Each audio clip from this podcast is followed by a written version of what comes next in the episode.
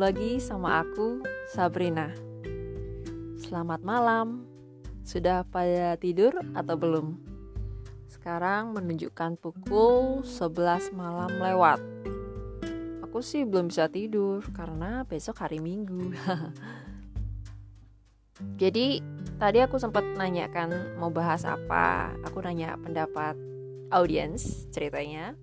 Jadi ada salah satu orang komen di Facebookku. Dia minta untuk dibahas tentang the kill of insomnia. The kill of insomnia, you mean the pembunuh insomnia, pembunuh bagaimana how we kill insomnia atau sulit tidur itu ya maksudnya ya. Oke, okay, aku akan bahas the kill of insomnia itu sesuai dengan pengetahuanku sendiri ya.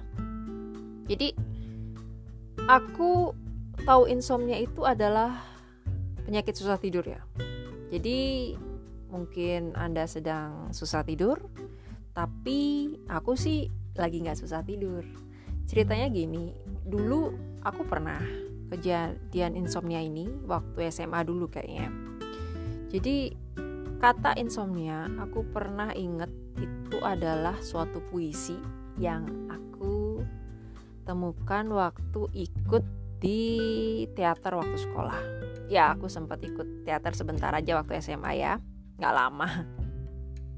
Sampai aku ingat aku tuh buat tentang pembahasan atau tugas bahasa Indonesia dengan topik insomnia juga. Jadi kayak apa kalau nggak salah itu puisi yang aku bahas lagi apa gimana ya pokoknya tugas bahasa Indonesia itu aku inget di teater ada kata insomnia jadi judulnya ada insomnia juga di tugas itu.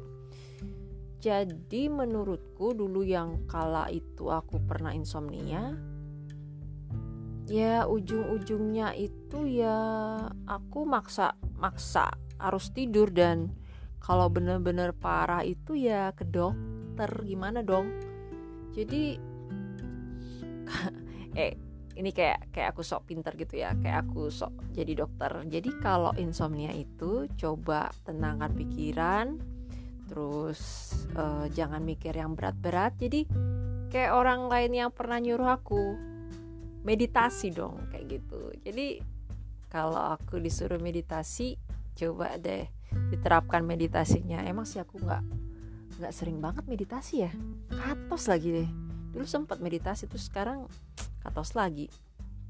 Jadi intinya insomnia itu jangan banyak pikiran.